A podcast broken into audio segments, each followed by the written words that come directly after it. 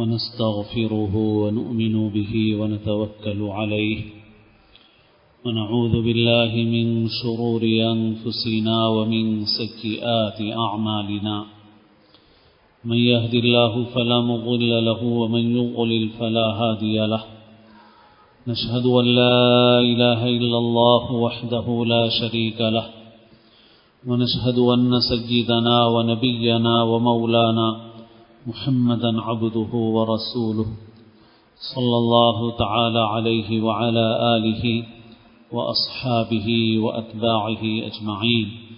أما بعد.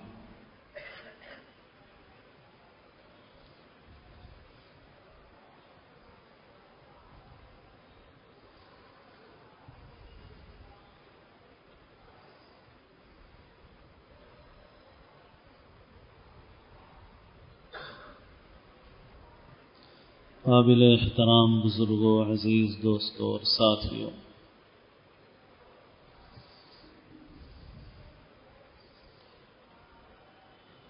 حدیث شریف میں ہے، جناب رسول اللہ صلی اللہ علیہ وسلم نے ارشاد فرمایا کہ الصدقۃ تطفئ غضب الرب۔ صدقہ خدا کے غضب اور غصے کو بجھاتا ہے۔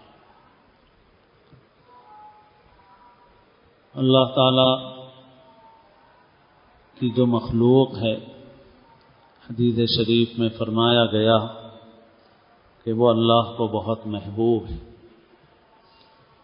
اور جو اللہ کی مخلوق کے ساتھ حسن سلوک کرے، وہ اللہ کے نزدیک محبوب اور پیارا ہے۔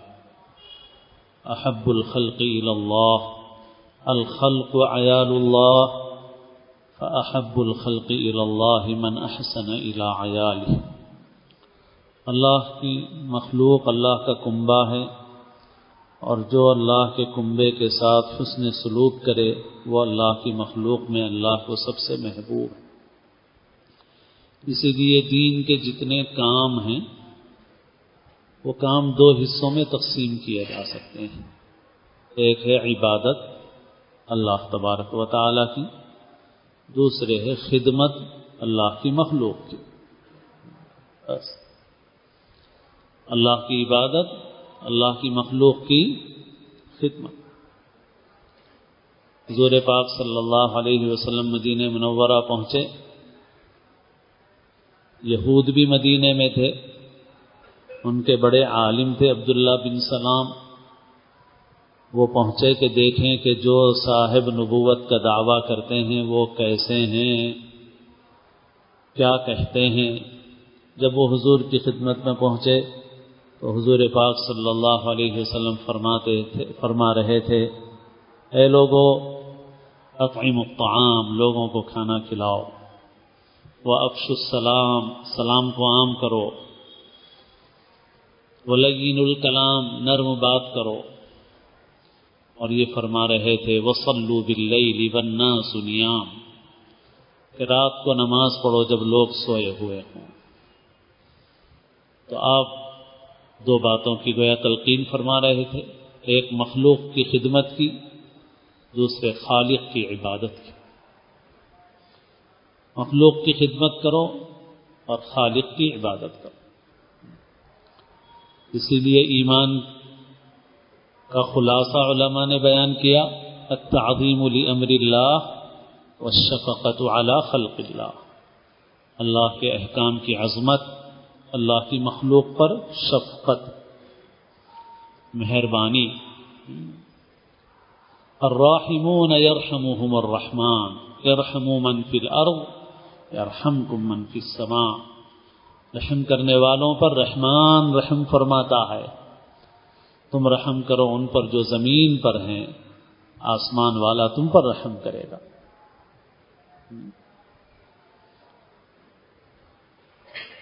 پھر ایمان کے بعد عبادت کا حکم دیا گیا۔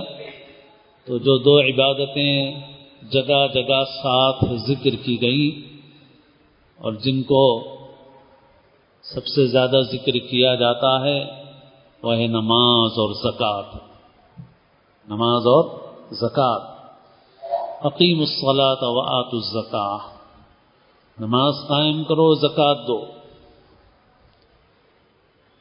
اور کہیں پر زکوٰۃ کے بجائے دوسرا لفظ ہے۔ ومما رزقناهم ينفقون۔ انفقوا مما رزقناكم۔ جو ہم نے تم کو دیا ہے اس میں سے خرچ کرو۔ کسی کو یہ خیال نہ ہو کہ زکوٰۃ والا یہ عمل وہ تو مالدار لوگ کر سکتے ہیں۔ تو مالدار لوگوں کی بات نہیں ہے۔ غریب آدمی بھی یہ کام کر سکتا ہے۔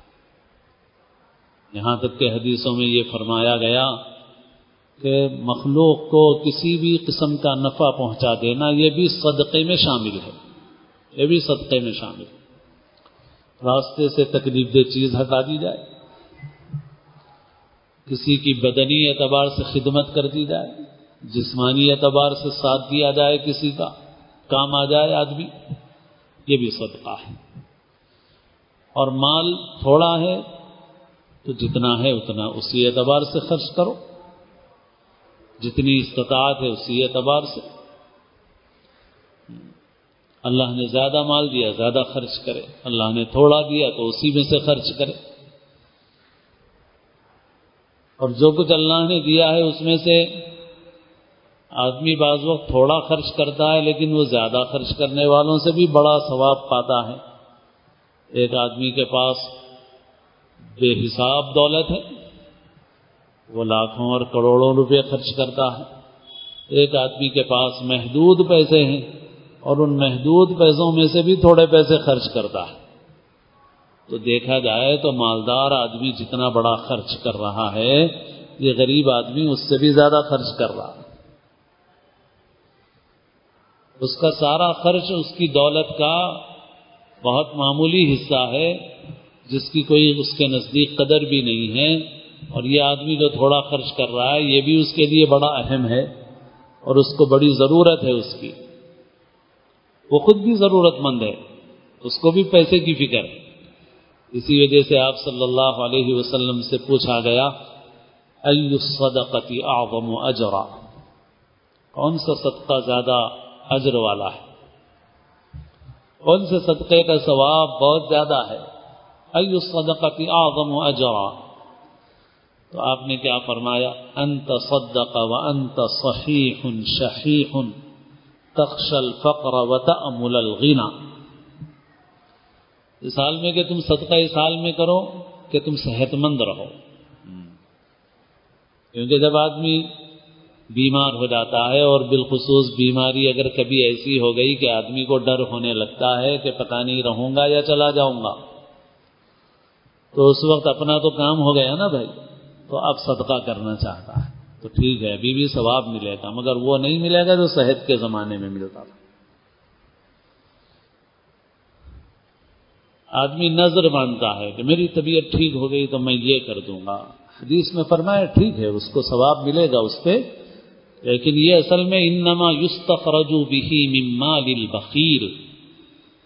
بخیل کا مال نکالا جاتا ہے اس طریقے سے۔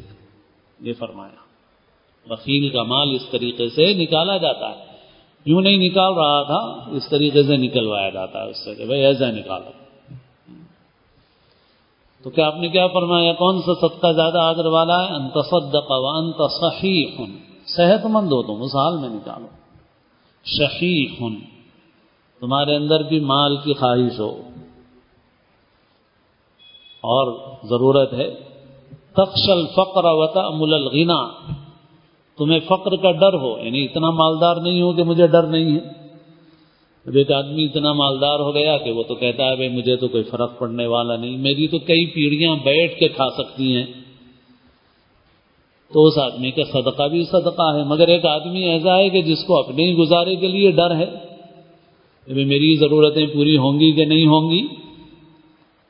فرق ہے نہیں ہے دونوں میں۔ ایک آدمی جس کے پاس اتنا ہے کہ اس کو تو اپنی نسلوں کی فکر نہیں ہے۔ وہ تو سوچ رہا ہے، اتنا میں نے جمع کر دیا ہے، اتنی جائیداد جمع کر دی ہے کہ میرے تو بچے بیٹھ کے کھائیں گے۔ لیکن ایک آدمی وہ ہے جس کو اپنی بھی فکر ہے کہ صاحب، پتہ نہیں، میری بھی ضرورتیں پوری ہوں گی۔ یہ صدقہ کر رہا ہے، اس کا صدقہ بڑا ہوا ہے۔ تخش الفقر و تعمل الغنا۔ فقر کا تمہیں ڈر ہو اور مالداری کی آرزو بھی ہو۔ کہ بھائی میں مالدار نہیں ہوں، مالدار بن جاؤں میں۔ مگر اس حال میں بھی صدقہ کرو۔ اس حال میں بھی صدقہ کرو۔ ولا تم ہل حتى اذا بلغت الحلقوم قلت لفلان كذا ولفلان كذا وقد كان لفلان۔ یہاں تک کہ جب جان حلق میں آ جائے تو اس وقت تم کہو کہ بھائی فلاں کو اتنا دے دو۔ فلاں ایک کام میں اتنا کر دو، فلاں کار خیر میں اتنا خرچ کر دو، اتنی دیر مت کرو، اتنا لیٹ مت کرو۔ اب اس وقت کہو کہ فلاں کو یہ، فلاں کو یہ وقت کان علی فلان وہ تو فلاں کا ہو چکا ہے۔ وہ تو فلاں کا ہو چکا ہے۔ اسی وجہ سے آدمی جب مرض الموت میں ہوتا ہے، اس بیماری میں جس میں اس کی موت ہو جائے، تو اس میں اس کے کچھ فیصلے ایسے ہوتے ہیں جو شریعت میں تسلیم نہیں کیے جاتے۔ ختم ہو جاتے ہیں۔ اس کی حیثیت نہیں رہتی۔ یعنی مرض الموت میں والد صاحب نے یہ کہا تھا، فلاں کہا تھا، یہ فلاں کو دے دیا تھا۔ تو بعض صورتوں میں آپ فتوا لے کے جائیں گے، علماء کے بعض علماء کہیں گے، بھائی، یہ یہ نہیں چلے گا۔ آپ کیونکہ اب تو اختیار ختم ہو رہا تھا ان کا۔ اب وہ چیزیں نہیں چلتی۔ تو بہرحال آپ نے فرمایا سب سے بڑا اجر والا صدقہ وہ ہے کہ صحت کی حالت میں، جبکہ تمہیں بھی مال کی فکر ہو، ضرورت ہو، اس وقت خرچ کرو تو سب سے بڑا اجر والا صدقہ ہے۔ ہر آدمی خرچ کر سکتا ہے اپنی استطاعت میں، اور وہ تھوڑا اس کا بہت بڑا ہے۔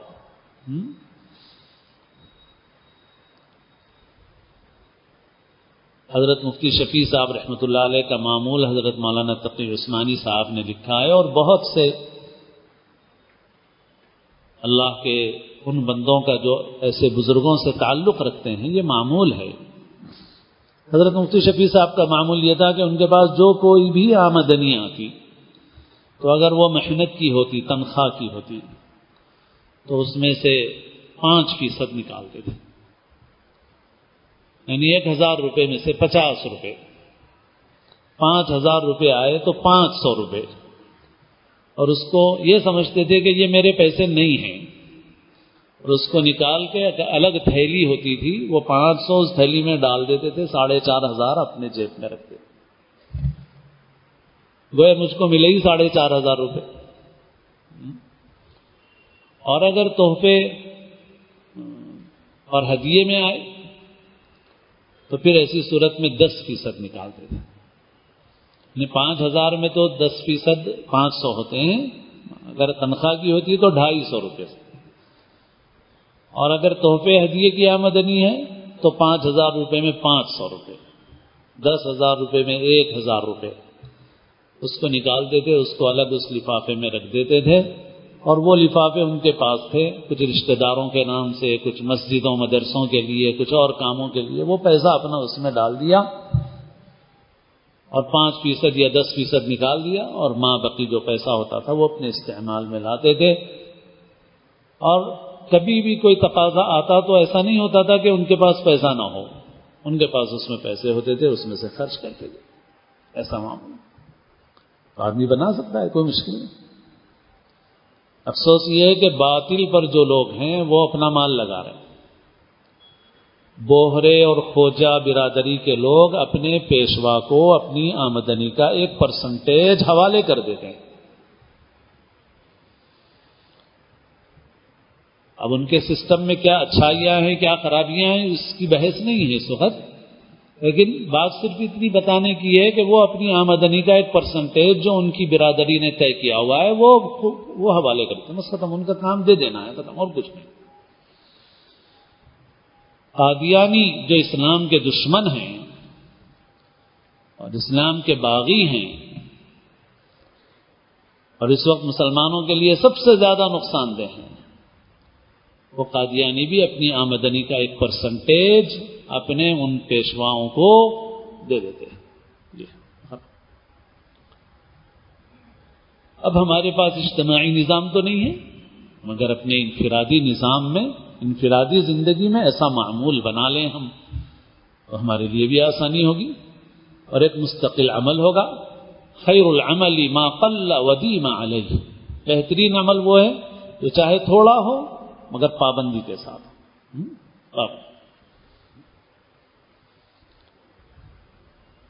صدقے میں زیادہ سے زیادہ ضرورت مندوں کو پہنچے اور اس میں سب سے پہلے رشتہ دار مستحق ہیں۔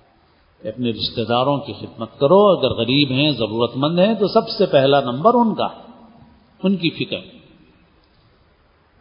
سل رحمی کا بھی ثواب ہے اور انفاق کی سبیر اللہ کا بھی ثواب ہے۔ اللہ نے ان کو قرآن مجید میں ذکر کیا ہے، پہلے نمبر پہ۔ پہلے ان کو دو۔ لہذا آدمی ان کی فکر کرے۔ اور اللہ سے رضا اور خوشنودی مانگتا رہے کہ اخلاص کامل ہو، نام و نمود نہ ہو، کیونکہ ہر عمل کے لیے یہ ضروری ہے کہ وہ اللہ کی رضا کے لیے کیا جائے اور اس کے اندر ریا نہ ہو۔ تو اخلاص کے ساتھ اور آدمی سبتا کرے اور دعائیں لے ضرورت مندوں کی۔ ہاں دعائیں کرواتے بہت ہیں۔ دعا لینا ہے، کسی بھی طریقے سے ہو۔ ماں باپ کی خدمت کرو، ماں باپ سے دعا ملے۔ استاد کی خدمت کرو، استاد سے دعا ملے۔ کسی ضرورت مند کی خدمت کرو، اس سے دعا ملے گی۔ دعا کروانے کی چیز نہیں ہے، دعا تو لینے کی چیز ہے۔ جب آدمی کام ایسا کرتا ہے کہ کسی کے دل سے دعا نکلتی ہے، تو وہ دعا اس کے کام آ جاتی ہے۔ انسان اپنے عمل سے نہیں کر سکتا، بعض وقت حضرت قاری صدیق احمد صاحب بانوی رحمۃ اللہ علیہ کے صحبت یافتہ ایک بزرگ ہیں، وہ تشریف لائے تھے ایک بار رمضان میں، تراویح کے بعد بات ہو رہی تھی، تو وہ کہنے لگے کہ بھائی ہماری تو حالت ایسی ہے کہ ہماری نماز، ہمارا روزہ تو ایسا ہے کہ اللہ تعالیٰ کہیں گے کہ تو نے تو میری نماز خراب کر دی، تو نے تو میرا روزہ خراب کر دیا، اس لیے اللہ کی رضا اور خوشنودی حاصل کرنے کے لیے نماز روزے عبادتوں کے ساتھ اللہ کی مخلوق کی خدمت کرو۔ اللہ کی مخلوق کی خدمت کرو۔ مخلوق کی خدمت کرو گے، اللہ تعالیٰ کی رضا اور خوشنودی حاصل ہوگی۔ اللہ تعالیٰ اپنے فضل و کرم سے ہم سب کو کامل اخلاص نصیب فرمائے اور اللہ تعالیٰ ہم کو عبادت کی بھی توفیق نصیب فرمائے۔ جناب رسول اللہ صلی اللہ علیہ وسلم دعا فرماتے تھے اللہ ذکری کا و شکری کا و حسن عبادت اللہ اپنے ذکر کی، اپنے شکر کی اور اچھی عبادت کی توفیق نصیب فرمائیے، اس میں ہماری مدد فرمائیے اور اللہ تعالی ہمیں خدمت خلق کی بھی توفیق نصیب فرمائے۔ واخر دعوان